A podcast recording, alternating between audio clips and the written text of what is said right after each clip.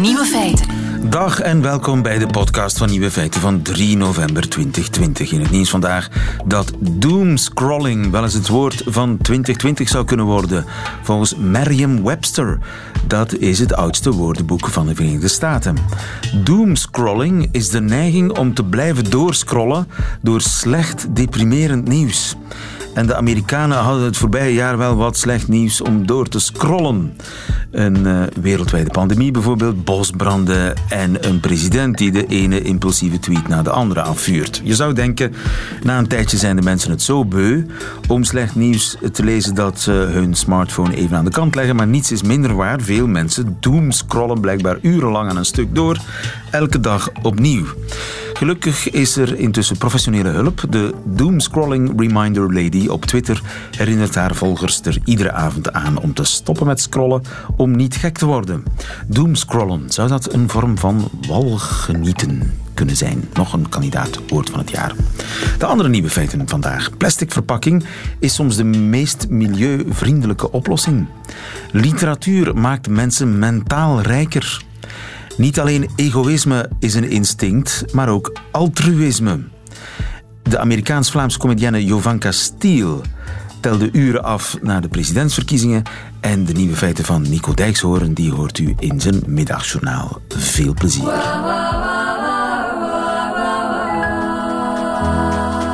Nieuwe feiten. Duivels dilemma. Stel, het is koopzondag vlak voor de grote lockdown en je wil zo graag die flashy sneakers gaan kopen in de winkelstraat. Wat doe je? Kies je voor je nieuwe schoenen of kies je voor de gezondheid van iedereen? Je zou verwachten dat wie nadenkt voor het laatste kiest en wie alleen zijn intuïtie volgt, snel die schoenen gaat scoren. Maar dat klopt eigenlijk niet. Wim de Nijs, goedemiddag. Hallo, dag lieve. Professor Wim de Nijs, cognitief psycholoog en onderzoeker aan de Sorbonne in uh, Parijs. Je hebt uh, zelf een onderzoek gedaan of daaraan meegewerkt om te kijken of ook altruïstische keuzes intuïtief kunnen zijn. Heb ik dat goed begrepen? Ja. Dat klopt. Uh, daar is eigenlijk al heel wat onderzoek rond gebeurd en er zijn ook heel grote filosofische theorieën rond, rond de vraag of gaan eigenlijk, als wij egoïstische keuzes maken, worden die gedreven door onze intuïties en als we sociaal willen gaan denken en ons sociaal gedragen, moeten we dan die instinctieve intuïties moeten we die gaan blokkeren? Of is het net andersom en uh, gebeurt het als we gaan uh, bewust nadenken, gaan we dan net meer egoïstisch gedrag gaan vertonen uh, tegenover het geval waar we puur onze intuïties gaan, uh, gaan, gaan volgen. Ah ja, want dat, ook dus dat is een theorie dat als we ja. iets beter nadenken, dat we gewoon die schoenen gaan kopen, want weet ik veel, ja, welk denkproces. Ja. Wat is intuïtie en wat is uh, ja, beschaving, zou je kunnen zeggen? Wat is nadenken en wat zijn de gevolgen daarvan? Nu, hoe heb jij dat onderzoek, zonder al te technisch te worden, hoe, hoe, hoe check je dat? Hoe onderzoek je dat? Wel, wij brengen mensen in een situatie waar ze economische beslissingen moeten nemen. Dat is eigenlijk een groot woord, dat is heel eenvoudig. Mensen doen, nemen deel aan een experiment, gebeurt gewoon online via het internet, waarbij ze gepaard worden met een onbekend iemand die ze niet kennen. En dan krijgen zij op een bepaald moment 10 euro. En ze hebben de keuze bijvoorbeeld, ze kunnen die 10 euro voor zich houden, of ze kunnen de helft van die 10 euro, dus 5 euro, doorschuiven naar die onbekende andere proefpersoon. Dus uh, de setting is volledig anoniem, gebeurt online. Je weet niet met wie dat je aan het samenspelen bent. Dus jij hebt daar echt de keuze. Kunnen we echt puur altruïstisch gedrag gaan testen? Ga je ervoor kiezen om je een egoïstische keuze maken en gewoon je eigen winst te gaan maximaliseren? Of ga je een deel van jouw geld doorschuiven naar een, onbekende ja. andere. Maar jij wilt toch dus... vooral checken of het verschil maakt dat je nadenkt of niet nadenkt. Of je lang nadenkt of je, of je niet nadenkt. Ja. Dat is toch, hoe kun je dan, mensen ja, hun denkproces blokkeren? Wel, dat doen we eigenlijk. We vragen hen om twee beslissingen te nemen. Eerst moeten ze zo snel mogelijk een beslissing nemen. En nadien geven we ook de tijd om na te denken over die beslissing. Want we weten, als je bewust wil nadenken, moet je twee dingen hebben. Je hebt daar tijd voor nodig om diep te kunnen nadenken. En je hebt daar ook aandacht voor nodig. Je gaat daarbij je cognitieve capaciteit, je aandacht gaan belasten. En we gaan er nu voor zorgen dat mensen dat niet krijgen. door hun te dwingen om binnen twee seconden moeten ze een antwoord geven. Dus ze krijgen een bepaald voorstel. En ze zien gewoon informatie, oké, zoveel kan ik verdienen, zoveel kan een andere persoon krijgen als ik een deel van mijn geld doorschuif. En we weten ongeveer, mensen hebben twee seconden nodig om die informatie te lezen die tijd krijgen ze om een beslissing te nemen. Moeten ze op onmiddellijk beslissen. Ja. En ik neem aan dat je het experiment ook doet bij mensen die langer tijd krijgen om na te denken, om dan precies het verschil te zien. Ja, we doen twee dingen. Dus één groep uh, wordt soms gedwongen om heel snel beslissingen te, te, nemen. De andere groep krijgt meer tijd om beslissingen te nemen. En vaak bij dezelfde proefpersonen doen we ook de twee, combineren we. Eerst moeten ze een uh, snelle beslissing nemen en dan krijgen ze tijd om over na te, sorry, over die beslissing te gaan nadenken en kijken of dat, al of niet hun gedrag, hun keuze gaat eh, beïnvloeden. En wat blijkt? Dat dat heel vaak niet zo is. Dus of je mensen nu al of niet tijd geeft om na te denken, de keuzes die ze maken worden veelal puur intuïtief bepaald. Dus je hebt mensen die intuïtief eerder uh, egoïstische beslissingen gaan nemen, een andere groep die eerder sociale beslissingen gaan nemen en de, het geld gaat delen. Maar het feit of dat je mensen nu al of niet over hun beslissing gaat laten nadenken, gaat heel weinig impact hebben op uh, de beslissing die ze nemen. Dat is wel straf. Dus ook je eigen winst afstaan ten behoeve van de groep is instinctief. Ja, voor de mensen die zich zo gedragen wel, ja. Want je zou toch denken, dat is nu dat is de definitie van beschaving. Je houdt jezelf een beetje in. Je controleert je egoïstische reflexen ten behoeve van de groep. Dat is beschaving. Ja, dat is inderdaad de klassieke visie daarop. Maar het is zo, de theorie daar rond die stelt dat uh, ook uh, sociaal gedrag intuïtief kan zijn doordat de mens al zo lang samenleeft in groep, hebben wij geleerd dat ons egoïstisch gedragen vaak negatieve gevolgen kan hebben. Het leidt tot bestraffing in een groep mensen. Als je egoïstisch gedraagt, wordt vaak uh, afkeurend op gereageerd. Dus het idee is dat door verloop van de tijd hebben mensen gewoon uh, geautomatiseerd het gedrag. Wel, als ik hier egoïstisch gedrag stel, hmm, dan gaan we in de toekomst negatieve uh, consequenties Het zit er zo dus ingebakken, als het ware.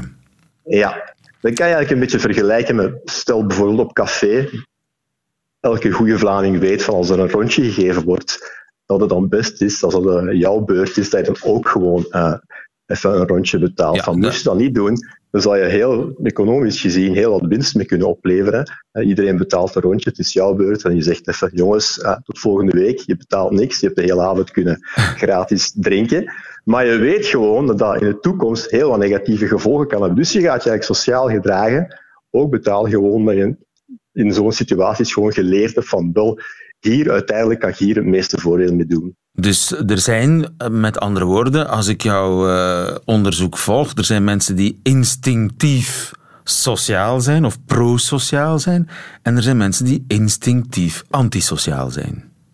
Ja, wel antisociaal in, in deze setting gewoon dat ze ervoor kiezen om hun eigen winst te maximaliseren. Wat dat puur economisch gezien in een anonieme setting, wat dat, uh, de klassieke economische theorie zegt dat je eigenlijk moet doen. Als er geen gevolgen zijn van je beslissing, als niemand weet wat je gaat doen, dan kan je ervoor kiezen om je winst te maximaliseren. Ja. Dus dat zou kunnen verklaren waarom, ondanks de smeekbedes om het niet te doen, toch massaal veel mensen zijn gaan shoppen zondag. ja, dat zou er een rol kunnen inspelen, inderdaad. Ja. ja. Maar eh, wat kunnen we nu met, met die wetenschap? Eh, zijn die mensen dan op geen enkele manier te beïnvloeden? De mensen die instinctief voor hun eigen bevrediging kiezen? Wel, dat is eigenlijk de vraag. Wij doen fundamenteel onderzoek naar wat zijn eigenlijk de basisprocessen. Hoe komt het dat mensen zich eerder ah, egoïstisch, eerder sociaal gaan gedragen? En wat het suggereert, het onderzoek, is dat mensen gewoon gaan dwingen of gaan proberen te verleiden om sterker te gaan nadenken over hun beslissing, dat dat niet zoveel impact gaat hebben. Dus het onderzoek suggereert dat je eigenlijk beter kan proberen om je te richten op verschillen. Er zijn verschillende types intuïties. En als je iets zou willen proberen aan te doen, dan kan je dus beter proberen om op die verschillende intuïties te gaan werken en niet zozeer mensen gewoon meer of beter te laten nadenken over een uh, beslissing. Ja, dus dan heb je het over wat dan modieus heet nudging, neem ik ja, aan. inderdaad. Ja. Mensen dus- een duwtje geven. En, ja, en op die manier inspelen op hun andere intu intuïties. Maar mensen echt laten nadenken. En via informatie hopen dat ze tot de juiste conclusie gaan komen. Dat is eigenlijk ja, verloren moeite. Ja, dat is binnen de context van dit onderzoek, dat suggereert dat inderdaad. We vinden dat ook wel in andere domeinen, als het gaat over logisch denken bijvoorbeeld, of over uh, moreel denken, dat als je mensen de kans geeft of zelfs dwingt om echt bewust diep te gaan nadenken over een beslissing, dat over het algemeen heel weinig impact heeft op wat ze doen. Ja, ze roken toch, ze eten toch die hamburgers ze, enzovoort. En hoewel ze donders goed weten dat het uh, slecht voor ze is.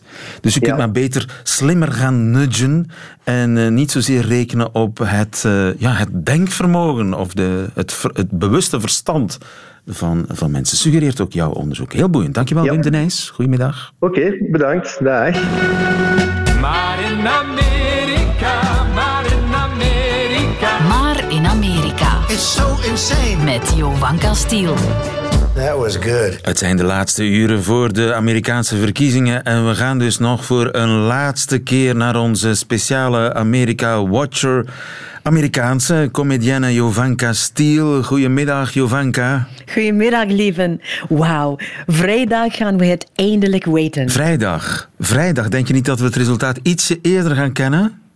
Nee, lieve, vrijdag. Vrijdag weten wij eindelijk wie de koningin is in The Masked Singer. Hoe spannend is dat? Ja, Jovanka, dat is inderdaad ook spannend. Maar misschien moeten we toch het eerste even hebben over de Amerikaanse verkiezingen. Ik heb een theorie, lieven. Ik denk dat het mogelijk is dat Trump en Biden de wolf en de duiker zijn in The Masked Singer. okay. ja, Biden heeft al een duidelijke hint gegeven. Well, mask, mask make a big difference. Masks make a big difference, inderdaad, Jovanka. En Trump heeft eigenlijk al toegegeven dat hij meedoet. I mean, I have a mask right here. Oké. Het is een aparte theorie, Jovanka, maar hoe zie je zelf die verkiezingen aflopen? Heb je voor ons een voorspelling? Ik heb even opgezocht wat de professionals hebben voorspeld. En dit is wat Susan Miller, het medium van de Hollywoodsterren, vorig jaar voorspelde. Do you have any sort of predictions for Trump's reelection potentially? I don't think he will. Just we have a saying in astrology. Okay. The 95-year-old woman, no matter how good her chart is, will not be picked for the lead in Swan Lake. Oké, okay.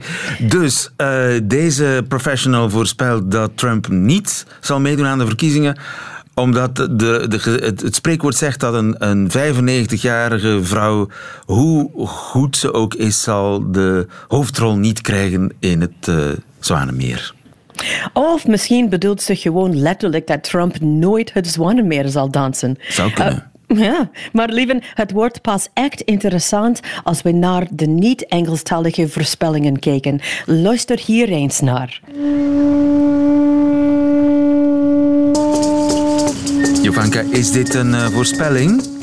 Dat zijn Peruviaanse shamanen die voorspellen dat Trump niet zal winnen terwijl ze op een zeeschelp blazen. Oké, okay, en dat is betrouwbaar volgens jou? Het moet betrouwbaar zijn, leven, want anders betekent het dat Peruviaanse shamanen gewoon irritante muziek maken. Oké.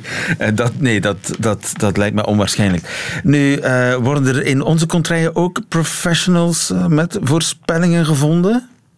Ik heb er één gevonden, uh, waarzegster Mieke Verschuren uit Breda. Zij is totaal niet geïnteresseerd in politiek, maar luister wat ze in januari over Trump, of in haar woorden Trump, zei. En hoe heet de goede man nou? Trump uit... Uh... Trump? Ja, Trump. Amerika, de president. Het kan zijn dat je ook nog wel eventjes iets met, met zijn gezondheid krijgt. Ah, het kan zijn dat hij eventjes iets met zijn gezondheid krijgt ongelooflijk. De enige vrouw die voorspelde dat onkel Donald COVID-19 ging krijgen nog voor corona uitbrak. Dus één ding is duidelijk, we moeten in Breda zijn voor een goede voorspelling. Uh, wat denk jij vanuit de Vlaamse Ardennen waar jij woont, Jovanka? Wie zal het halen? Lieven, ik zal een gewaagde voorspelling maken voor vanavond. In onze living een paar honden, een paar katten en heel veel popcorn. Want zoals altijd zullen de Amerikaanse verkiezingen op deze manier eindigen.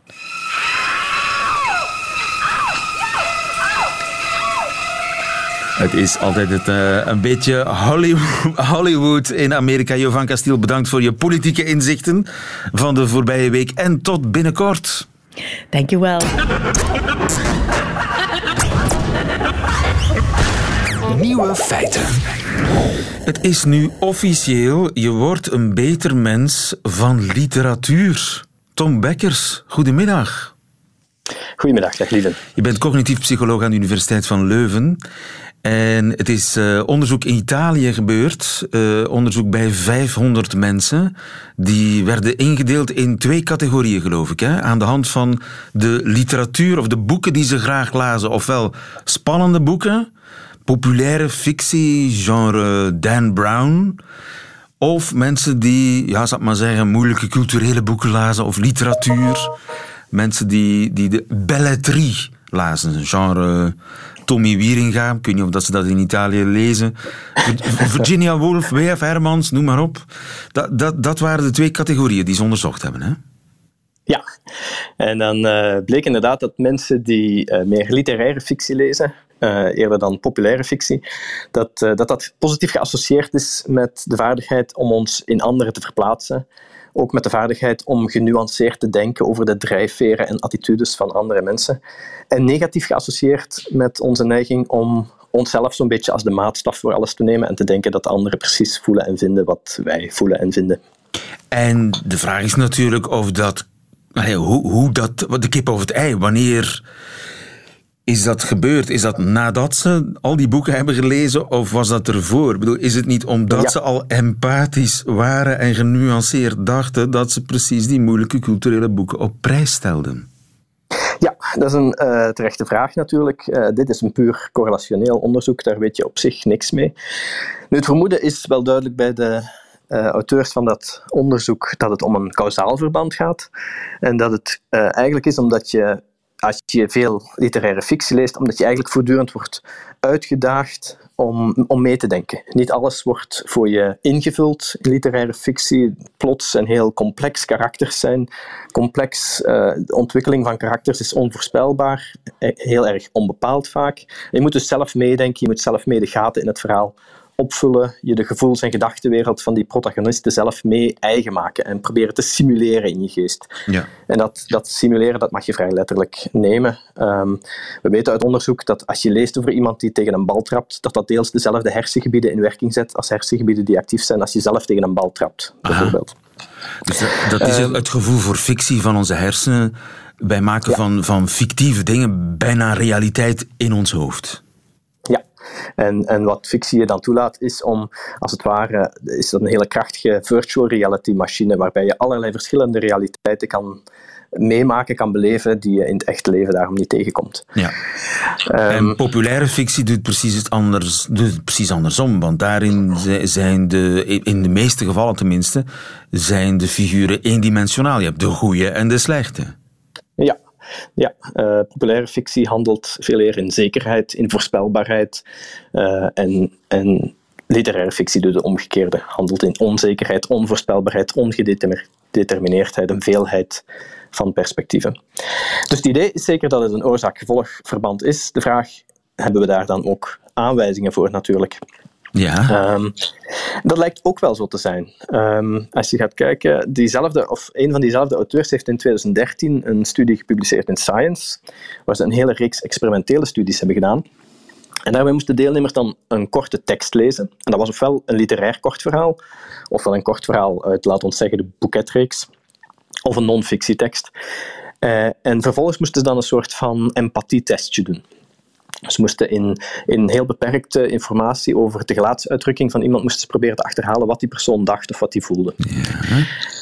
En dan bleek inderdaad dat uh, mensen die eerst zo'n literair kort verhaal hadden gelezen, dat die accurater waren in die test. Um, het is een onwaarschijnlijk resultaat, want je zou op zich misschien niet verwachten dat het lezen van zo'n klein beetje literaire fictie meteen en direct zo'n effect heeft. Um, dus daar zijn ook veel mensen overheen gevallen toen. Dat is nogal controversieel geweest. Veel andere onderzoeksgroepen... Maar het zegt toch iets. Het zegt toch namelijk dat het lezen van iets dat dat nazindert. Dat minstens, ja. En, en ehm, er zijn dus ook heel veel vervolgonderzoeken gedaan in grotere groepen. En uiteindelijk kwam daar toch wel wat evidentie uit dat ehm, het, het, een klein effect is, als het maar zo'n minimale manipulatie is, maar dat er toch wel een effect is.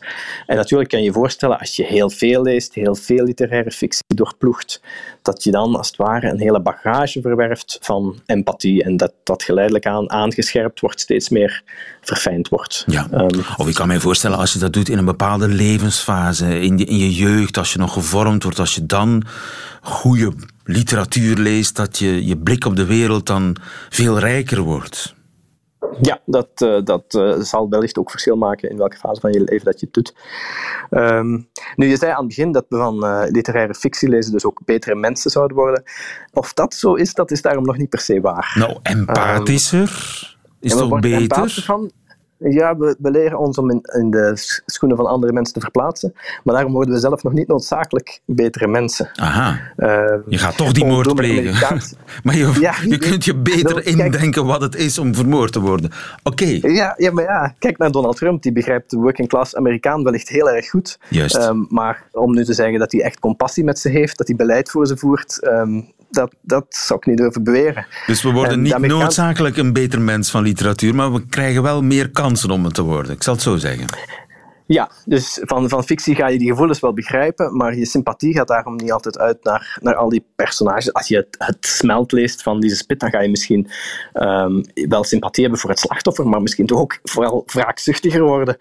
Um, uh, minder uh, empathie hebben voor, voor daders. Um, als je daarentegen Vrijheid leest van Jonathan Franzen, dat je daar ook begrip voor krijgt voor alle kleine en zwakke kantjes van alle mensen, daar kan ik me iets bij voorstellen. Um, dus ik denk dat de bottom line is dat je van literaire fictie niet per se een, een betere mens wordt, maar wel meer mens wordt, eigenlijk. Tom Bekkers, dankjewel. Goedemiddag. Graag gedaan. Radio 1. Nieuwe feiten. Wegwerpplastic is vaak een zegen, zegt een Amerikaanse milieuprofessor in een gezaghebbend tijdschrift. Peter Ragaert, goedemiddag. Goedemiddag. Je bent docent verpakkingstechnologie aan de Universiteit van Gent. Die mevrouw Miller, die beweert dat wegwerpplastic niet het echte probleem is. Wel, eh, ik denk om te beginnen, als je het woord wegwerpplastic gebruikt, dat is eigenlijk het grootste probleem. Plastic uh, mag je sowieso, allez, dat is echt niet, niet, uh, niet de bedoeling om het te gaan wegwerpen. Uh, dus je moet de, het materiaal zo lang mogelijk in, de, eigenlijk in gebruik houden, in de keten houden. Um, en, want nou, als plastic namelijk in het milieu terechtkomt, dan blijft dat daar heel lang en met alle consequenties en, en microplastics en dergelijke uh, tot gevolg. Dat kan nooit goed zijn. Dus wegwerpplastic in de betekenis van plastic die je dan maar gewoon op straat gooit zodanig nee. dat het in, in, uh, weet ik veel, in de rivieren terechtkomt en zo in de zee. Dat is, maar ik geloof niet dat uh, Shelley Miller het daarover heeft. Nee, zij wil vooral een aantal misverstanden de wereld uithelpen. En uh, als je kijkt naar uh, bijvoorbeeld misverstand 1, de verpakking bepaalt de milieu-impact van een product. Inderdaad, dat is een misverstand. Het is, net, uh, het is voor een groot stuk omgekeerd. neem nu bijvoorbeeld voedselverpakkingen. maximaal, ongeveer tussen de 5 en 10 procent maximaal van de milieu-impact wordt bepaald door de verpakking, het verpakkingsmateriaal zelf. Hè. En wat, wat, wat is dan wel de grote impact op het milieu? Het product? Het productieproces. Het, zelf, het productieproces zelf. Uh, en het is vandaar heel belangrijk, hè, omdat de, de, voedingsindustrie doet heel veel inspanningen om heel kwalitatieve producten op de markt te brengen. Het is dan net de bedoeling om daar een goede, optimale verpakking voor te voorzien, dat de houdbaarheid van het product gegarandeerd wordt en dat er zeker niet producten uh, snel gaan vervallen en, en bederven, want we zitten momenteel nu al met een 30% voedselverlies wereldwijd. Uh, dat mag zeker niet oplopen en in tegendeel, dat moet zelfs, uh, dat moet zelfs dalen. Hè. En dus die plastic verpakking helpt daarbij? Alle verpakkingen helpen daarbij. Uh, zowel glas, metaal, karton en, en plastic helpen daarbij, maar het is, eigenlijk de kunst bestaat erin om voor elk product die, het juiste materiaal te gaan definiëren. Ehm, en het is nu wel eenmaal zo, naar plastic toe zit je met een aantal factoren die voordelig zijn. In die zin, je combineert een zeer lichte verpakking met een heel sterk een heel sterke verpakking. Denk maar aan transporteerbaarheid en zo, dat is zeer belangrijk. Maar je hebt ook uh, een, een, een, verschillende waaier aan plastics. Je hebt bijvoorbeeld plastics die enkel maar beschermen tegen water, wat voldoende is voor bijvoorbeeld koekjes. Maar je hebt dan ook plastics die bijvoorbeeld enkel maar beschermen tegen zuurstof. Hm? En dat is dan bijvoorbeeld weer goed voor andere producten. Het is eigenlijk die keuze uh, tussen verschillende plastics die wel mogelijkheden biedt om heel veel verschillende levensmiddelen te gaan verpakken. Maar je zou bijvoorbeeld een, een doos koeken kun je ook gewoon in metaal, in een, een metalen doos. En die, die doos kun je dan voor iets anders gebruiken. Dat is, of glas, weet ik veel. Eh, ja, melk in glas is toch beter dan melk in, in wegwerpmateriaal? of niet? Ja, dat is... Dat is Glas is een perfect materiaal naar, naar bescherming toe. Hè. Uh, dus daar kan je zeer lang houdbare producten in gaan bewaren. Anderzijds heeft het een vrij zwaar gewicht. Hè. Dus na zeker als je transporteert uh, over een heel groot gebied, dan komt plastic daar wel normaal beter uit. Op voorwaarde, en dat is heel belangrijk, dat we dus afgeraken van dat woord wegwerp, op voorwaarde dat het uh, minstens, zou ik zeggen, gerecycleerd wordt naar een nieuwe toepassing. Dus plastic op zich is niet altijd de slechtste oplossing. Is recycleren altijd de beste oplossing?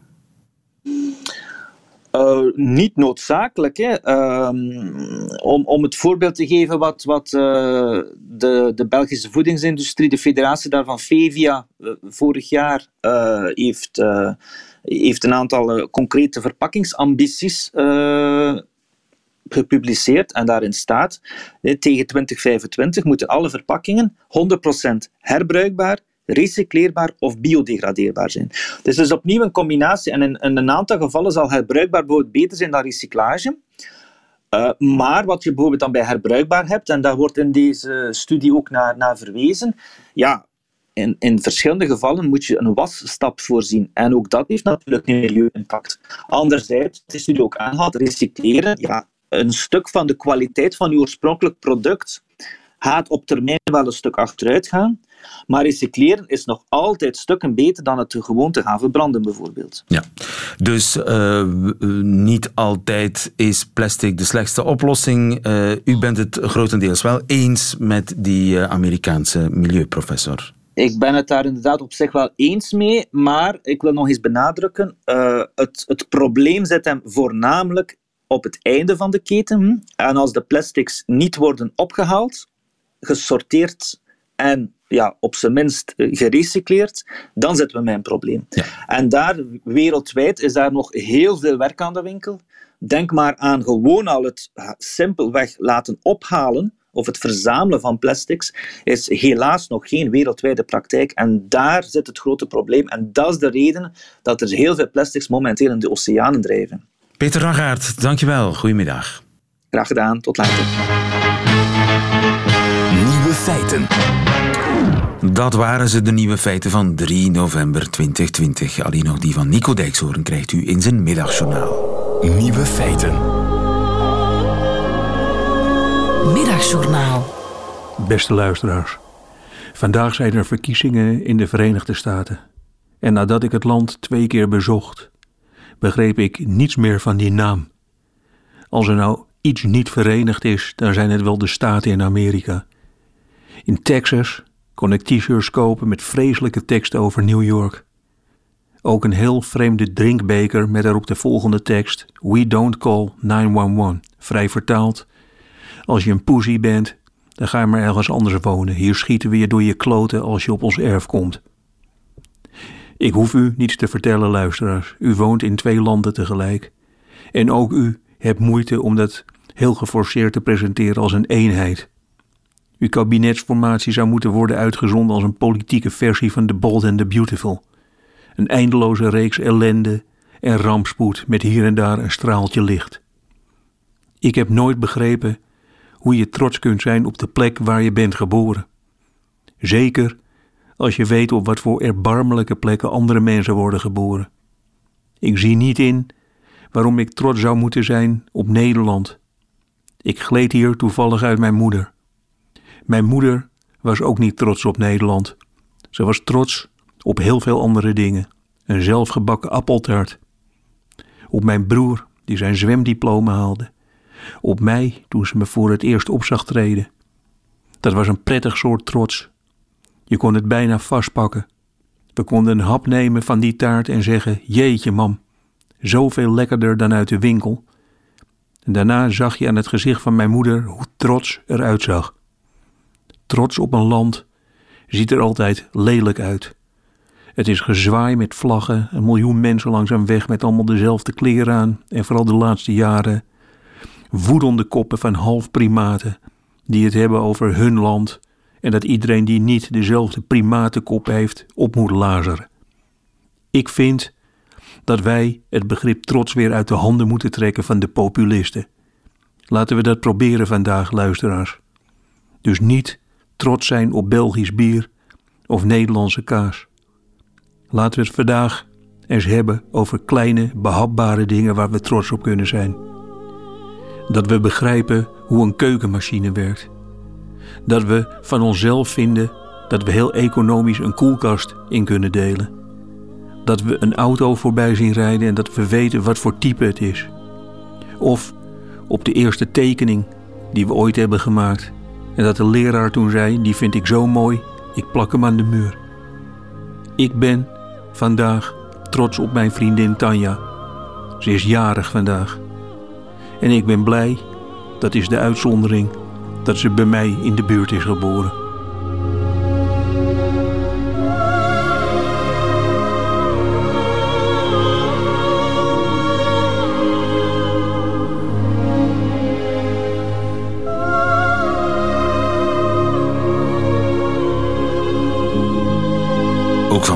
Ah, van harte gefeliciteerd. Tanja, Nico Dijkshoorn in het Middagjournaal.